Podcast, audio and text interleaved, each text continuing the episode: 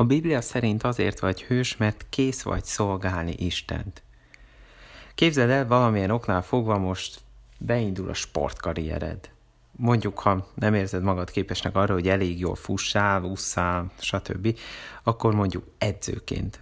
Leigazolnak a sportág legjobb magyar csapatához.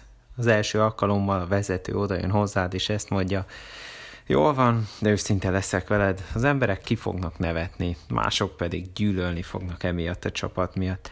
A legtöbben semmivel se törődnek a csapatban, szinte senki nem törődik a másikkal, és nagy eséllyel az összes meccset el fogjuk veszteni. Ott maradnál a csapatnál, vagy dobnád inkább ezt a karriert. Együttérzésem mindenkinek, aki egy rosszul teljesítő csapatnak szurkol, de én dobnám ezt. Ézsaiással pont ez történt. Isten szólt neki, hogy mondja el mindenkinek, amit üzen neki. Mondja el, hogy az egész ország létrejöttének az volt az értelme, hogy ott majd mutassák meg a többieknek is, hogy lehet máshogy élni.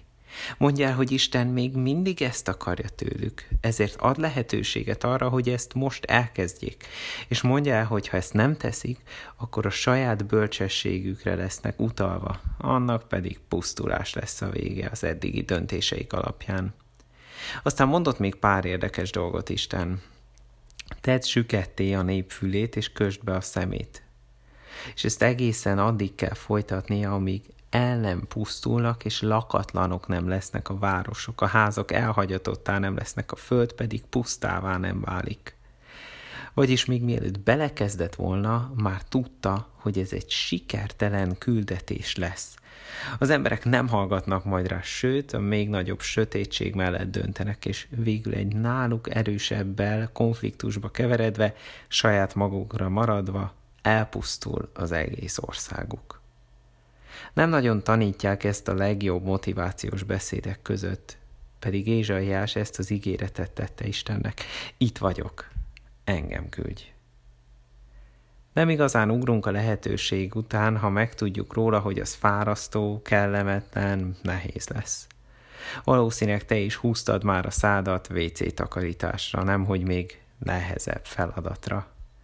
De Ézsaiás nagyon érdekes példa előttünk. Nem a feladatra figyel, hanem a feladat adójára.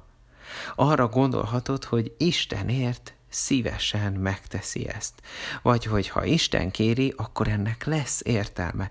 Vagy hogy ha Isten vele van, akkor jobb ezt az utat választani, mint a másikat, ami talán kellemesebb, de az nem számít. Legyünk még konkrétabbak. Isten mindenkit elhívott arra, hogy tegye meg, amit kér tőle. Így mondjuk ezt szolgálja. Nem arra hívott el, hogy egy ideig tedd azt, amit kér, aztán pedig hagyd abba, vagy hogy egész életedben tedd meg a felét annak, amit kér. Mert ha nem teszed, amit ő kér, akkor nem lesz teljes életed, akkor az életed nem lesz jó, mert valamit elrontasz majd ahhoz képest. Ez pedig hozzáállás kérdése. Ézsaiás így állt ehhez hozzá az Ézsaiás könyvének hatodik részének nyolcadik verse szerint. Az Úr szavát hallottam, amint ezt kérdezi, kit küldjek el, ki lesz a követünk? Én ezt mondtam, itt vagyok, engem küldj. Gondolom, mindig is azt kereste, hogyan élhet Isten terve szerint. Ezért, amikor hallott egy kérést, ebben az esetben ez egy kicsit furcsa kérés volt. Rögtön rávágta. Persze, hogy megteszem egy kis feladat a végére. Lehet, hogy már tudod is, mit kell tenned, de lehet, hogy még ma nem jössz rá arra, amit Isten akar tőled. Most tegyél érte egy lépést. Kérd Isten, adja meg neked, hogy belül, a hozzáállásodban kész legyél a kéréseit követni, őt szolgálni.